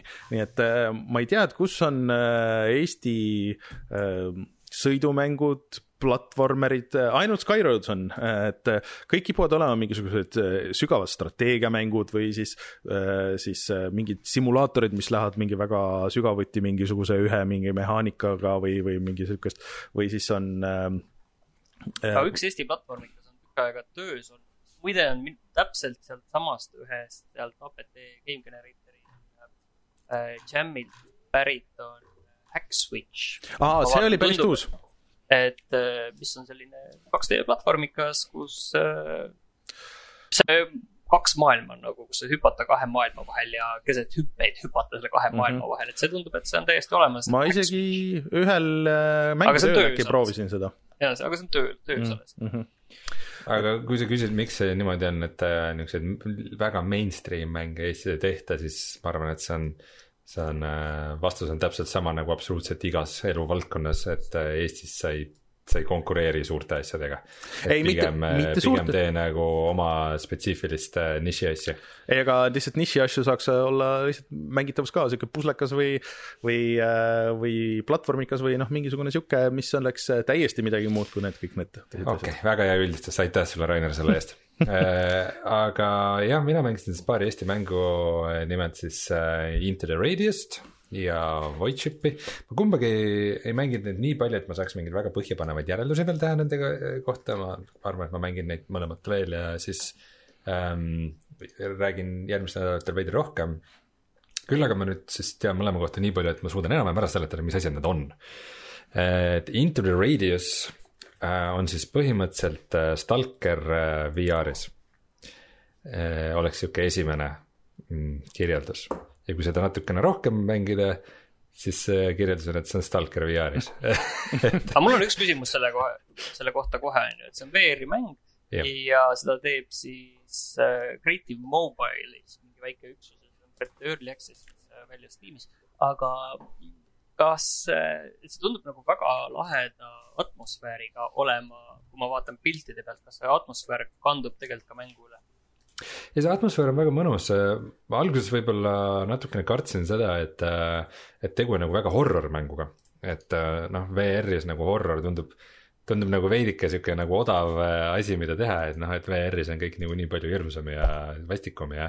Aga tegelikult äh, mulle nagu tundub esialgu nagu paari tunni põhjal, et ta ikkagi ei ole niivõrd äh, horror, kuivõrd ta üritabki luua sihukest nagu, sihukest unikaalset atmosfääri, kus on nagu, kui maailm on või noh, see, see, kes siis Stalkerit, seda vana filmi ja ja neid äh, Ukraina mänge teab, et siis, et äh, see nagu tsoon on, on kogu majast, muust maailmast eraldatud, ta on nagu kiiritust täis, et see on Tšernobõlist ja kogu sellest kriisist inspireeritud, et äh, selline lootusetus ja trööstitus, mis selles nagu maailmas on, et see on võib-olla olulisem kui see, et sealt nüüd nagu igalt poolt võib mingisugune koll välja karata. et see atmosfäär, ma ütleks, et on, on väga mõnus. see kogu see Intel Raidise keskkonnad on siuksed ka niuke, niuke trööstitu lagunema jäetud äh, nõukavaremed ja asjad, mis meil on ka sihuke suhteliselt äh, tuttav pilt äh,. mille vahel on siis äh, anomaaliad äh,, kus justkui mingid erinevad maailmad ühinevad ja, ja selle Intel Raidise keskmes on siis äh, suur äh, meteoriit või meteoor äh,, mis on nagu seal maailma kohal sihuke nagu suur must päike, mis seal hõljub ja teeb koledat häält ja, ja mõjutab kogu seda piirkonda kuidagi. ja sageli mingisugused inimesed või linnud või muud asjad, mida sa kohtad, on nagu kuskil staatiliselt paigas, paigal nagu. ja kui sa lähed neile vastu, siis nad pudenevad tuhaks laiali ja selline, selline üsna trööstitu keskkond on see. ja sina siis oled üks selline mm, inimene, kes seal teeb oma tööd äh, ehk siis otsib äh, mingisuguseid väärtuslikke artefakte äh, ja peab ellu jääma selles, selles raadiuse maailmas ja sealt koguma kokku väärtuslikku nodi, siis automatiseeritud punktis selle rahaks tegema, ostab omale relvi ja asju selle eest vastu, paneb need omale seljakotti ja võtab kaasa ja läheb järgmisele missioonile ja nii see elu käib väga klassikaline väljasõit äh, rohe, rohelisse siis. jah, rohelusse. rohelisse, õige, aga see üks, äh, üks tähelepanek mul on selle mängu kohta, et ma ütlesin, et see on early access'is, aga erinevalt paljudest teistest early access mängudest, mängudest on sellel juures märge, et äh, see mäng ei ole valmis ja see võib või ei või tulevikus veel et seda lubadust, et me teeme selle valmis mingiks muuks asjaks, seda nad tegelikult äh, avalikult välja ei ole andnud no,. jah ma..., ma rääkisin sealt tiimist ühe inimesega, nad ütlesid, et nad, äh, nad plaanivad äh, välja tulla nüüd umbes, umbes jaanipäevaks. nii et mm. tegelikult juba paari kuu pärast peaks see mäng olema suhteliselt nagu lõplikus staadiumis, et võib-olla ei ole kõike seda, mida nad lootsid. et ma saan aru, et tegu on ikkagi vist natukene rohkem nišimänguga, kui nad, kui nad lootsid, et noh, kogu see Stalkeri stiilis mängud on nagu nihuke omaette nišš ja kui see nagu VR nišiga kokku panna, siis kahe niši see ühis, ühispunkt on natukene väike. Äh,, aga äh, et ma ütleks, et ta nagu mängitavuselt või niimoodi, et ta äh, nagu päris iga hetk kokku ei jookse või mingisuguseid suuri jamasid seal väga ei ole. äh, aga mm, küll ma olin suhteliselt palju hädas äh, selle kasutajaliidesega. et äh, nad on üritanud ikkagi üsna realistlikku mängu teha, et äh, ütleme natukene on isegi üritanud Half-Life'i teha, et seal on päris palju ka mingisuguseid, eh, kui sa käid seal varemites ringi ja vaikselt mingites majades ja garaažides, mis seal on, et leiad mingisuguseid kappe ja teed sahteid lahti ja tõmbad ja. aga need füüsika ja need asjad ei toimi seal üldse nii nagu Half-Life'is, need asjad lähevad seal puseriti ja üksteise vahele ja. näiteks sul on nagu seljakott ja sa niimoodi, sa võtad üle õla nagu seljakoti äh, enda ette ja siis sul on seal keskel lihtsalt niisugune suur roheline ala, kuhu sa paned sisse ja nii nagu sa need sinna paned, nii need sinna jäävad ja isegi kui sul on juba mingi paar nuga ja taskulampi ja mingit veidike laskemoona, siis nad on juba nii risti põiki seal ja siis tahad midagi sealt kätte saada, siis sa nagu proovid igatpidi, et mis kohas ma täpselt seda kätt pean hoidma, et see õige asi aktiveeruks, et seal. et nagu sihukest võitlust äh, selle, selle kasutajaliidudega oli päris palju ja ta, ma ütlesin, et ka need paljud asset'id nagu ei ole, nad ongi nagu nagu stiliseeritud siuksed üsna low poly'd või. ma, ma praegu vaatan siin. ei ole liiga detailsed. ma praegu vaatan siin seda videot ja lasen siin meie striimi ka ja, ja see on, ma ütleks, et see lausa näeb nagu natuke kole välja ja üsna sihuke toores. mingites osades see on nagu stiil, aga noh, ma arvan, et mingis mõttes nad ka otsustasid, et see on nende, see on nende lähenemine, sest et, sest et noh, väikse tiimiga nagu niisugust ampsu võtta on ikkagi päris raske. mõned objektid näevad nagu veidralt hästi välja, mõni sinu mingi varustuse jupp umbes, et Ehm, mida sa kasutad ja, et noh, selles mõttes see mängitavus ise ongi see selline vana hea stalker, et sa näiteks äh, leiad mingi siukse väikse kotikese nende padrunikestadega ja siis sa loobid neid, et äh, välja selgitada, kus on anomaaliad ja kus mitte, et kus sa saad sealt minna. aga ma ütleks, et ma ei tea, kui palju lisaväärtust nagu VR sellele kõigele annab mm., et, äh, et ähm, võib-olla VR noh, kui sa väga suurt territooriumi pead katma ja palju ringi liikuma ja siis siis see nagu see VR-i efekt kuidagi veidikene väheneb, et pigem vaata Half-Life näiteks koosnebki sihukestest üsna väikestest, aga väga poleeritud keskkondadest, kus sa oled, et sul on nagu rohkem tunne, et sa mhm. oled seal, seal kohapeal, et mul on tunne, et nihukestes, sihukeses nagu avaras maailmas äh, võib-olla kuidagi kuidagi on sellel VR-il vähem pointi, aga ma kindlasti proovin seda natukene veel ja, ja vaatan, mis mulje mul jääb mm.. ja loodetavasti me teeme ka video sellest. mis sul teine mäng? Äh, teine Eesti mäng, mida ma proovisin, on siis Voidship mis on siis ähm, peamiselt äh, tehtud Mikk Luige poolt, kes meil kunagi on ka saates käinud äh,, kui ta siis rääkis. Voitsip The Long. Journey on see tegelikult see täisnimi vist või? jah, et Mikk äh, on ka näiteks olnud Disco Elysiumi tiimis ja üldse ta on sihuke, ütleme sihuke Eesti mänguarendajate kommuunis nihuke üsna, üsna aktiivne tegelane kes on siis ka meie saateski.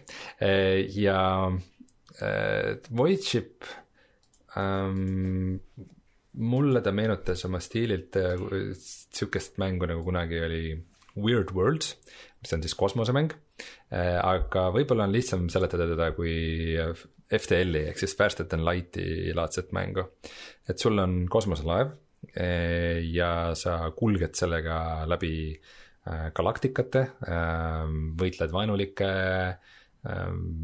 siis kosmoselaevade jõududega ja. ah, see võitlus on reaalajas, on ju. me kunagi rääkisime võitlus... mängust ka, et just. see on reaalajas, mis on see suurim erinevus, et sa võid enda selle kosmoselaeva paned ise juppidest kokku täpselt sellisena, nagu sa tahad mm. -hmm jah, ja need erinevad moodulid võivad nagu puruks minna, mis mul tegelikult ka juhtus päris palju, et ostsin mingi ägeda relva või jupi sinna külge.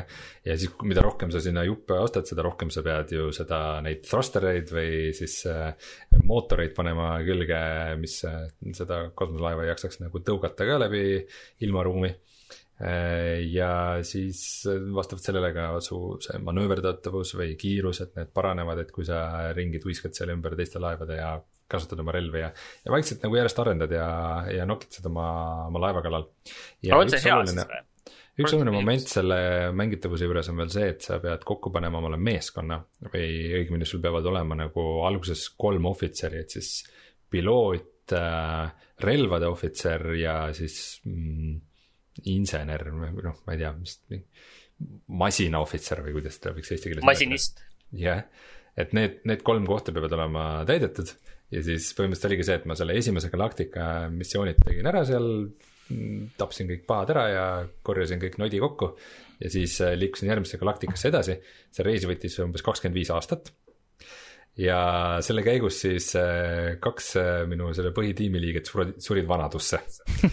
Ehk siis ma jõudsin kohale, mäng ütles, et nii, et sul on nüüd põhiliikmed puudu, et sa ei saa seda laeva juhtida. Ja ainus meetod on see, et äh, oma nagu tavalistest meeskonnaliikmetest tuleb koolitada ohvitser. Aga see võtab viis aastat nii et minu laev, kosmoselaev istus siis viis aastat paigal, kuni koolitasin ohvitseri. Ja siis, siis võis seiklus jätkuda. Ja kuigi jah, kaks kolmandikku sellest põhitegelastest nagu main cast'ist oli välja vahetanud see tundub üsnagi lõbus, esimese mulje põhjal mulle tundub, et nagu võib-olla natukene pealiskaudne või, või korduv, loodetavasti ma leian mingisuguseid huvitavaid mehaanikaid või asju veel.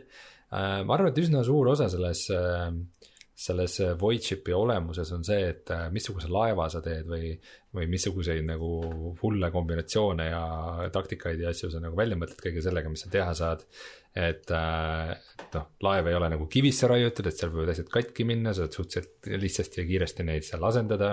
et, et ma arvan, et nagu selles ongi suur osa selle, selle mängu point'ist, aga kas ta, kas teda nagu FTL-iga nagu samale poodiumile paigutada, noh, peaks natuke veel mängima, et, et selle, selle kohta midagi öelda hmm.. No soovitan jälgida, jälgida Mikk Luige seda tegemisi Twitteris näiteks, et jah, ta teeb ühte projekti, mis mulle väga sümpaatne tundub, rääkides mängust, mis, mis mulle võiks sobida, aga, aga ma saan aru, et inimesed, kellele meeldib FTL, et nad on ikkagi kiitnud seda Voitsipi ka, et, et isegi ma saan aru, et võib-olla natuke rohkem sobib sinna auku kui see teine väga sarnane mäng, ehk siis Shortest Trip to Earth vist või? Pigem minu meelest Shortest Trip to Earth on äh, rohkem äh, FTL, aga, aga lihtsalt see, et sa saad palju-palju sügavamale minna mm. kui mhm. FTL ja võib-olla see oht ongi see, et liiga sügavale mm. läinud, aga noh naabrit ka väga pealiskaudselt räägin seda, olles seda väga pealiskaudselt mänginud mm.. jah, eks nagu sügavale minekuga on alati see risk, et siis, siis äh, see lisaenergia, mis sa sinna paned, et see, see peab nagu, payoff peab ka tulema selleks, et, äh, et lihtsalt keerulisem ei saa mäng olla. aga võimalik, et see on seal täiesti olemas. võib-olla.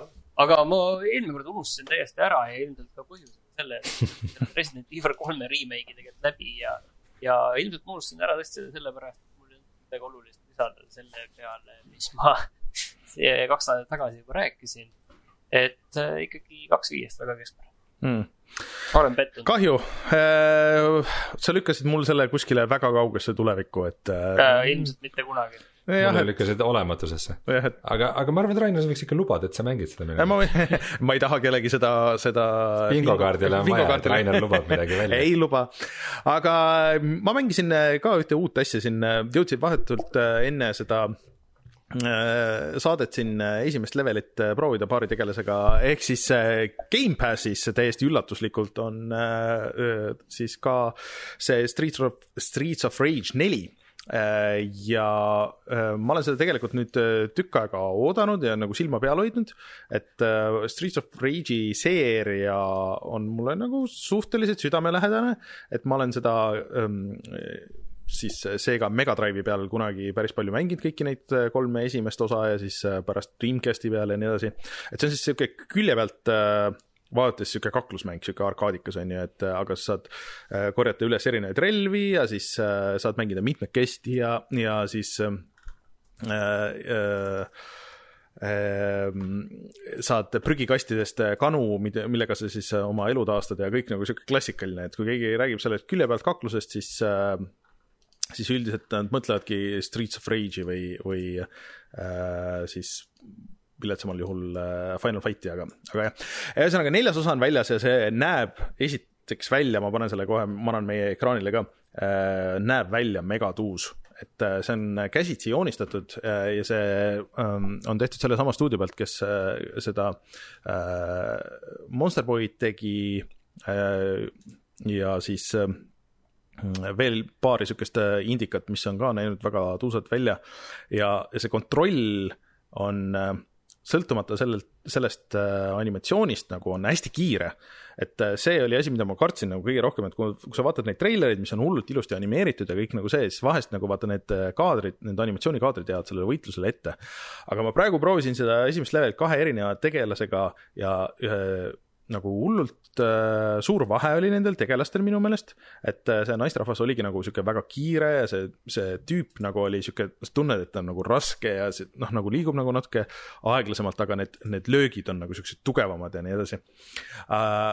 aga, aga see mängitavus muidu on jäänud nagu samaks, et sa oledki nagu külje pealt vaates liigud siis vasakult paremale, korjad üles relvi ja nii edasi, aga seal on nagu rohkem seda võitlusmehaanikat, et sul on päris huvitav kombosüsteem, et äh, sa kasutad Y-ga siis oma neid superpower eid nii-öelda, aga need võtavad sult elu. Ja aga et äh, see elu jääb nagu siuksesse vahepealsesse seisu, on ju, et kui sa vastasel suudad äh, nii palju elu tagasi võita, enne kui nad sind uuesti lüüa saavad, siis sa saad nagu selle, siis sa nagu ei kaota selles midagi. et sa pead kogu aeg nagu majandama seda oma eluriba nagu selles mõttes, et okei okay,, et kas ma kasutan nüüd neid võimsamaid lööke äh, või üritan nende tava punch idega hakkama saada ja siis äh, ongi selline nagu majandamine.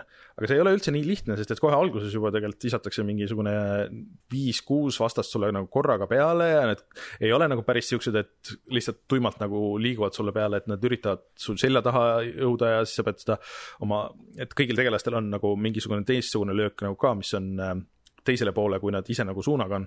et sa pead nagu seda kasutama vahepeal, et manageerida neid äh, tüüpe ja siis sul on need relvad, millega sa äh, üritad siis äh, range'i tekitada endale, et et natuke kaugemal hoida osa, osasid tegelasi ja, ja üllatavalt tiip isegi siukse külje pealt äh,, äh, külje pealt vaadatava kakluse kohta ja esimese paari leveli kohta, mis ma jõudsin nagu proovida, et äh, ma olen positiivselt üllatunud, et ma lootsin, et see on hea, aga see on äh, isegi natuke parem esimese äh, kats-, katsetamise peale, kui, kui ma arvasin. eelmisest saatest meil jäi üks asi õhku, et äh, sa põõsad olid seda väärt. Põõsad olid täiega seda väärt, põõsastega sai päris palju äh, äh, seda äh, saart edasi teha ja nii edasi, aga tegelikult huvitavam oli see äh, kunst, Animal Crossings Jah. äh, New Horizons, Jaa. sa räägid. aga äh, tegelikult tuli see kunstimüüja, kes on sihuke väga sketši äh, see rebane. seal ongi nagu niimoodi, et sulle müüakse tuntud kunstiteos ja mis muideks vastupidiselt Assassin's Creed'ile on tsenseerimata, kui on mingisugune äh, kuju või maal, kus on näha äh, genitaalid, siis need on tegelikult olemas, nii et äh, points ja props Nintendo'le siin. aga sa pead ära tundma, et kas see on nagu päris või ei ole, et äh, kas sa ostad selle, et see, kui see, kui see on fake, et siis sa ei saa seda isegi enam nagu edasi müüa Äh, ja sa ei saa seda muuseumile anda, nii et ma ei teagi, mis sa sellega teed, et see raha vist nagu hukka läinud või pead endale koju seina peale panema või midagi. aga ma olen mänginud seda edasi põhimõtteliselt iga päev, mul poed on suuremaks läinud, nüüd on, käib suurem äh, randaalimine seal äh, selle saare peal ja ümberehitamine ja nii edasi, aga minu meelest huvitavam on olnud see nädal kõik need asjad, mis on toimunud selle äh, Animal Crossingu ümber, et seal tehti äh, eraldi jutusaade nagu talk show, mida veab äh, üks tüüp, kes äh, kirjutas selle ühe Star Warsi, siis Gary Whitta.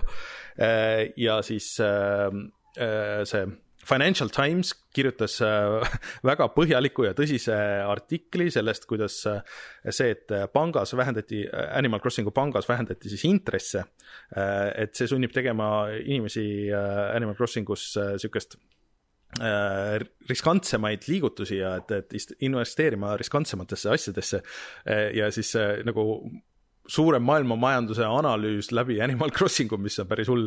mul juba jooksis ühe kokku.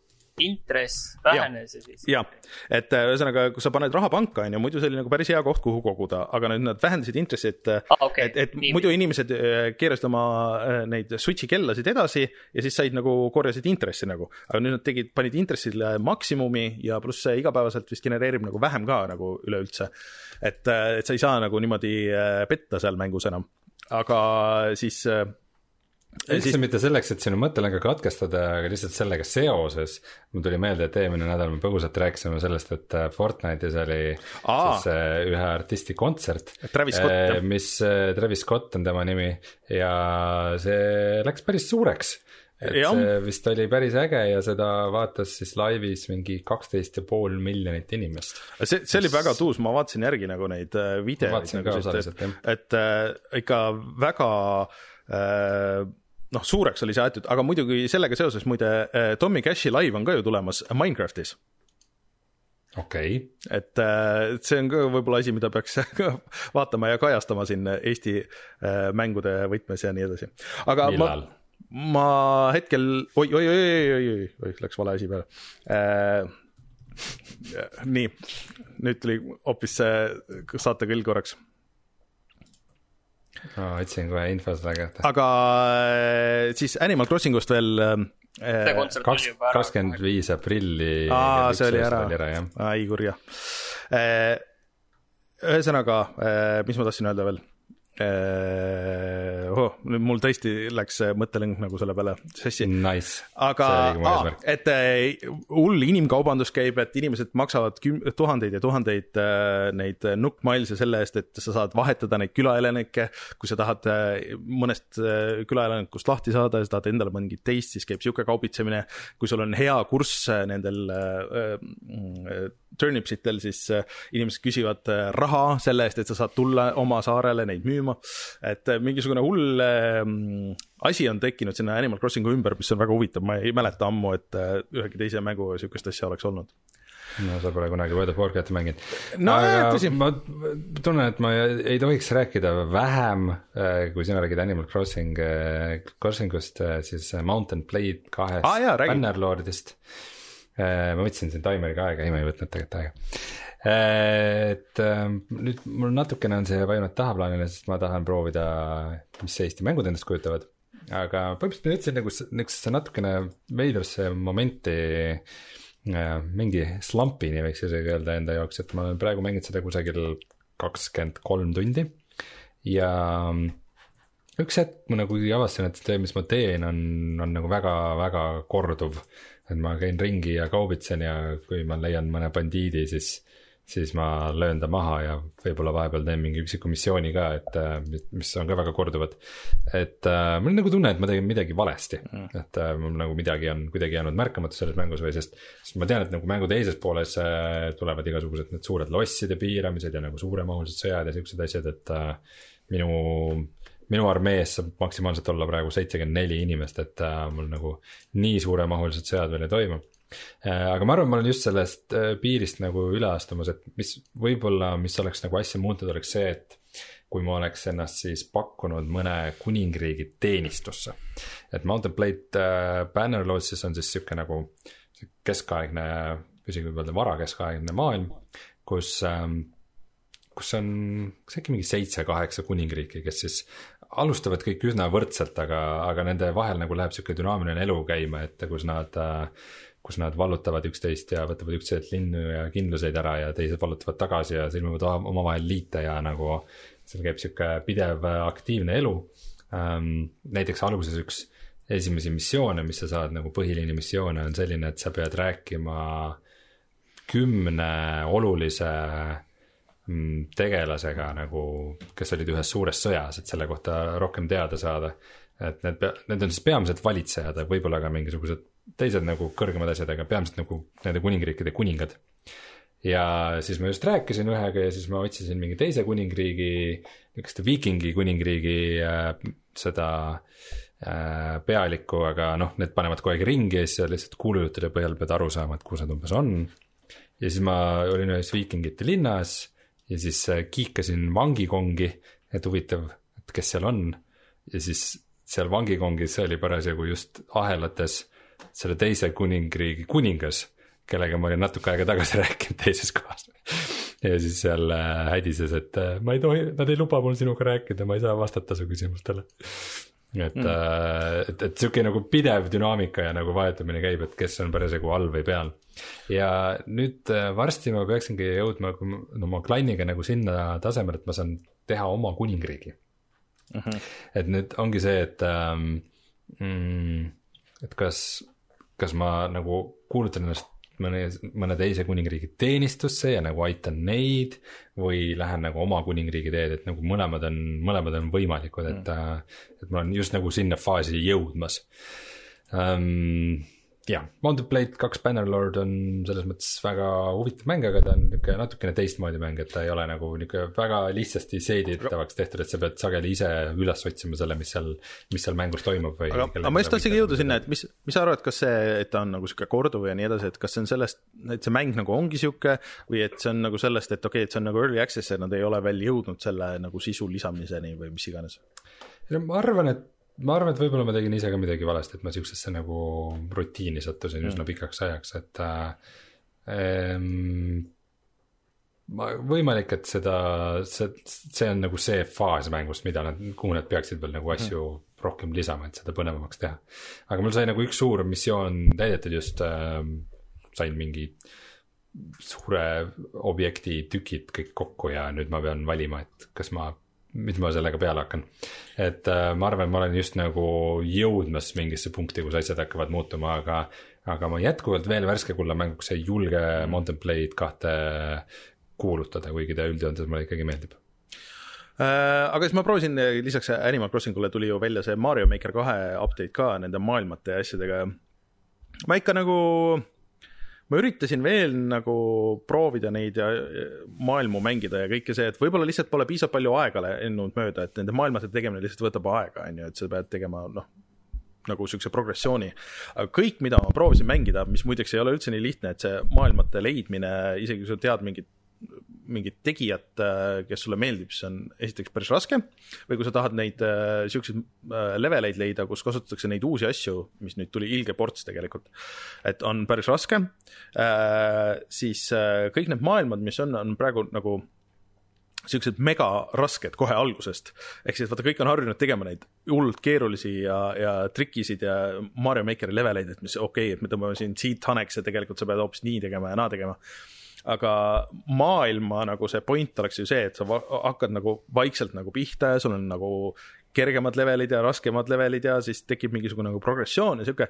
ja kõik, mis ma siiamaani olen mänginud, siis kuskil ei ole nagu seda ära tabatud. ja kõige hullem on see, et ma ei saa nagu otsida ka kuskil, et oh, et ma tahaks näiteks mingeid lihtsamaid või, või nagu maailma mis on äh, hääletatud mingisuguseid noh, nagu siukseks ägedaks või et sihukest kohta ei ole olemas. et ma loodan, et see Nintendo ütles, et see on viimane suurem update, see ei tähenda seda, et ähm, sinna ikkagi otsingusse midagi juurde ei tule, et äh, nagu veits pettunud, sest et nüüd tegelikult see on nagu, see on tõesti see Mario Maker kaks, mis oleks kohe võinud tulla välja.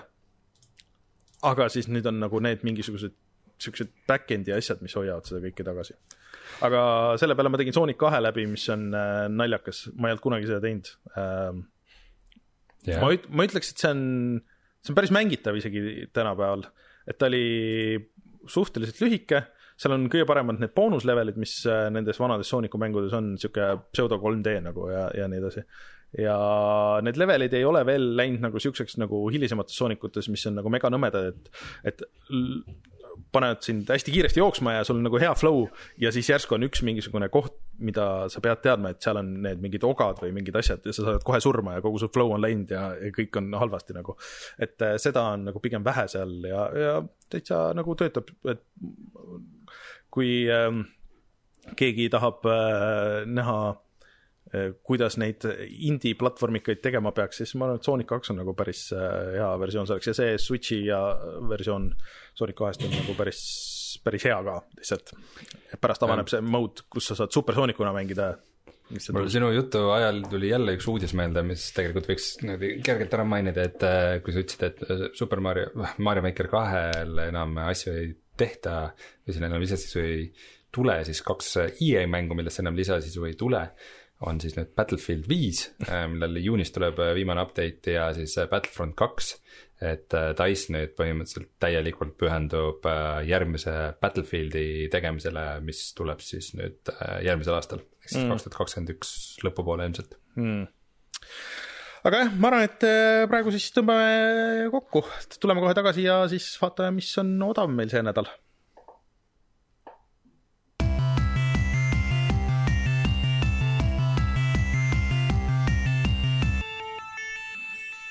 nüüd selle peale meil tegelikult läks ka päris huvitav äh, jutt lahti meie chatis, et äh, keegi, kes on rohkem investorite teemadega kursis, äh, ütleb, et ega siin väga investorid ei julge panustada jah, sellesse mängundusse ja, ja ma arvan ka, et Martinil on õigus, et mängutegijad peaks ise nagu pasundama sellest rohkem, kui hästi neil läheb.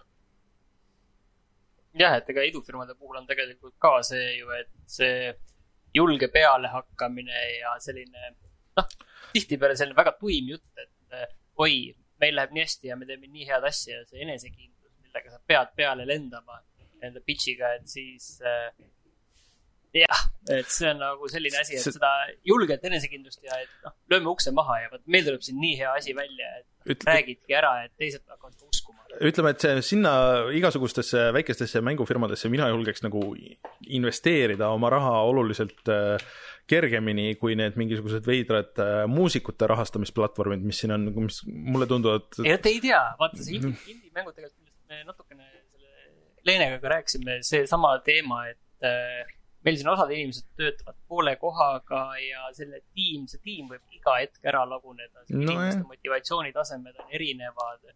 et sellist asja nagu, et see nagu ol- oleks usutav ja toimiv. Et see on väga keeruline saavutada indie-mängu puhul, eriti kui sa no inimesed räägivadki, et vaata, ma teen seda niisama siin vana rasva pealt. praegu ma ei teeni sellega midagi. et see ongi see, et aga ühel hetkel sul see vana rasv saab otsa ja siis sa pead hakkama mingit päris tööd tegema, mis sulle kohe iga kuu alguses raha lauale toob ja kui seda ei ole, on ju, siis on alati see oht, et et üks hetk sa pead minema tööle tegelikult ja siis jääb paratamatult see su tore indie-mäng jääb äh, tagaplaanile. Eh, no ma ei tea, selles mõttes, et olles teinud erinevaid bände aastate jooksul, siis eh, ma arvan, et see indie mängutiim on palju stabiilsem kui üks ansambel nagu suures plaanis. jaa, aga ansambel elab ikkagi hetkes ja, ja sinna ei ole vaja nii palju investeerida. No.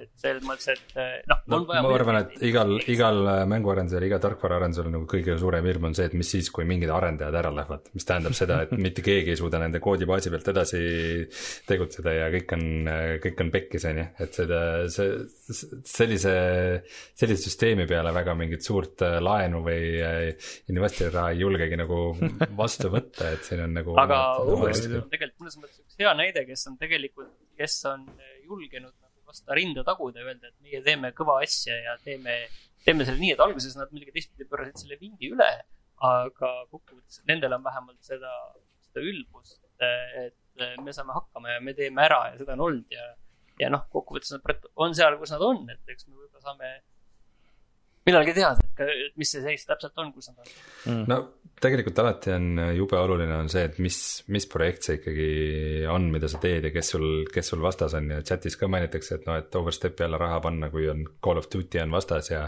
Fortnite'id ja siuksed asjad, et, et noh, kuidas sa julged nende, nendega üldse nagu turunduseelarvete ja kõige sellega nagu konkureerida, eks, et et siin on nagu palju teemasid, aga no ma, ma ütlen ausalt, nagu Disco oli projekt, mille noh, ma arvan, mitte keegi meist poleks uskunud, et ta nii edukaks osutub, aga, aga ma ei oleks küll, ma olin ikka suhteliselt skeptiline kogu selle projekti kohta, et äh, mm, ma ei mäleta, kas ma olen saates seda rääkinud, et kui mul üks, üks kolleeg äh, kunagi reklaamistuudiost äh, läks sinna tööle, et oo oh, mingi paar tuttavat ütlesid, et nad hakkavad mängu tegema, varem pole kunagi mängu teinud, aga pidi mingi suur ja äge mäng olema ja siis ma lähen ka, et ma lähen nüüd töölt ära, ma lähen nüüd ka aitan neil teha mingeid asju ja niimoodi ja siis nagu Aga- üritasin, üritasin nagu äriväri öelda, et kuule, et äkki ära ikka et päris nagu töölt ära mine nagu selle pärast. ja Aga- aga... mingid, mingid aastad hiljem seesama tegelane, Mikk siis äh, oli, oli siis äh, seal äh, mänguauhindade laval, võttis äh, neli karikat vastu ja, ja Mm. siis aga siin nagu näha, ja mida iganes, on ju. mitte meil- keegi poleks seda uskunud. aga nagu näha, siin teemasid meil on, on ju äh, palju, millest kogu ülejäänud äh, kuu rääkida igal juhul sellest paistab, et puudust ei tule. ja mis, mis teie, mis, noh, ma ma üritan nüüd survestada, et mis te kindlasti nüüd mängite järgmiseks saateks väga, mis Eesti mängudest teie, teie nagu nimekirjas praegu on sihuke asi, mis teid äh, kumbagi kõige rohkem huvitab ja mida tahaks ära proovida? mina tahaks selle Shorty Strip to Earth'i ikkagi nii palju sisse saada, et sellest ikkagi mingi pilt ette saada. no Mhm. kui ma ausalt ütlen, siis ega pea- peale nagu selle overstep'i ei olegi, see on võib-olla kõige lähemal mängudele, mis mulle meeldivad, et äh, sihukest äh, overhead klikkimist äh, ma ei armasta ja, ja siis äh, äh, midagi sihukest mulle väga, väga meeldivat ei ole, aga mul on üks, üks vana kuld, millesse ma võib-olla lähen siis korraks natuke sügavuti. nii, no proovime seda Skyroadsi nagu ikka rohkem mängida. väike spoiler sulle, et see vist, see vist nagu väga ei muutu mängu käigus või? Või ta läheb ikka vist? ei, levelid läksid päris raskeks, kui ma õigesti mäletan ja sellel on tegelikult see teine osa ka, see jõuluversioon või mis iganes. nii et, okei. Aga- saab olema huvitav. näha. et, et vaatame, kuidas, kuidas sellega läheb, aga, aga mul on nagu natuke kahju, et mul ei ole nagu võtta, võtta midagi, et võib-olla Death and Taxes on äh, tõesti, see on sulle paras. see on mulle paras, aga jõu, jõukohane. Aga oota, seda ma kas olen nagu Skyroadist ei ole mingit äh, moodsamat versiooni? sellest on VR-i versioon olemas ka Aga-, sellest on olemas ka Eesti mäng, see Nirvana mille nimi- Pilot Jume. jah, jah, aga see ei ole päris see. no see seal on Skyroad on sees peidus, aga ta on lihtsalt äh,, seda on kombineeritud, seda on kombineeritud ka sellise novelliliku mm, -hmm. graafilise See novelli elementidega. ma tegin selle läbi ja see on nagu, ütleme nii, et nii ja naa, jääme viisakaks. aga see, väga hea, et sa Death and Taxis'i nüüd äh, tõid äh, lauale, sellepärast et see on ka meil selle saate soovitus, see on praegu üheksa eurot alla selle psühholoogilise piiri, tegemist on ühekohalise numbriga ja üheksa eurot Steamis veel äh, kaks päeva. ja järgmise nädala saadet äh, ma ei julge veel välja kuulutada, jälgige meie kanaleid ja järgmine nädal saate teada, aga tegu on kellegiga väga tähtsa mängijaga meie Eesti mängumaastikul. See on jah väga huvitav. et, et väga, väga tunnen huvi, mis, mis sealt tulema hakkab. jah äh,, aga ma arvan, et äh, ja no tasuta on ah,, kusjuures äh, see jäi uudistest välja ka, et Epiku poes nüüd enam niisama neid tasuta mänge ei saa, sul peab olema two-factor authentication, mis on, see on natuke nõme jah. Aga see ei ole üldse nõme. ma pean vaatama, kas ma viitsin. Rein, kui sul see, kui sul see ei ole juba peal, siis mida sa teed oma eluga? No jään viiekümnest tasuta mängust ilma nagu puu. ei no jaa, aga sealt sa saad, sealt saadakse ligi kõikide su muude asjadele ja see ei ole üldse nagu nii, nii lihtne. okei, võib-olla su jutus on point, äkki ma peaks selle ära tegema. kusjuures Switch'ile tuli ka nüüd just lõpuks uh, two-factor authentication, mida enne ei olnud, et uh, thanks Nintendo uh,. aga mm, minge vaadake siis uh,, mis, mis tasuta seal ka on ja siis äh, järgmine nädal oleme tagasi, loodetavasti ägeda külalisega. vahepeal hoidke äh, peal äh, silm meie Youtube'i kanalil, kus äh, tuleb üks äh, Eesti mängu video kohe kindlasti, enne kui järgmine saade peale tuleb. ja siis äh, ma ei teagi, on teil veel midagi lõpetuseks öelda? aa, meil on sünnipäev ka. aa, õige, see oleks meeles. palju õnne. me saime kaheksa aastaseks.. siin äh, kõikide nende Eesti mängude ja kõikide muude kõrval äh, ongi täiesti meelest läinud see. aga jah, mina olen Rainer, minuga Rein ja Martin ja suur tänu äh, Leenele ja kohtume järgmine nädal. tšau. tšau. tšau.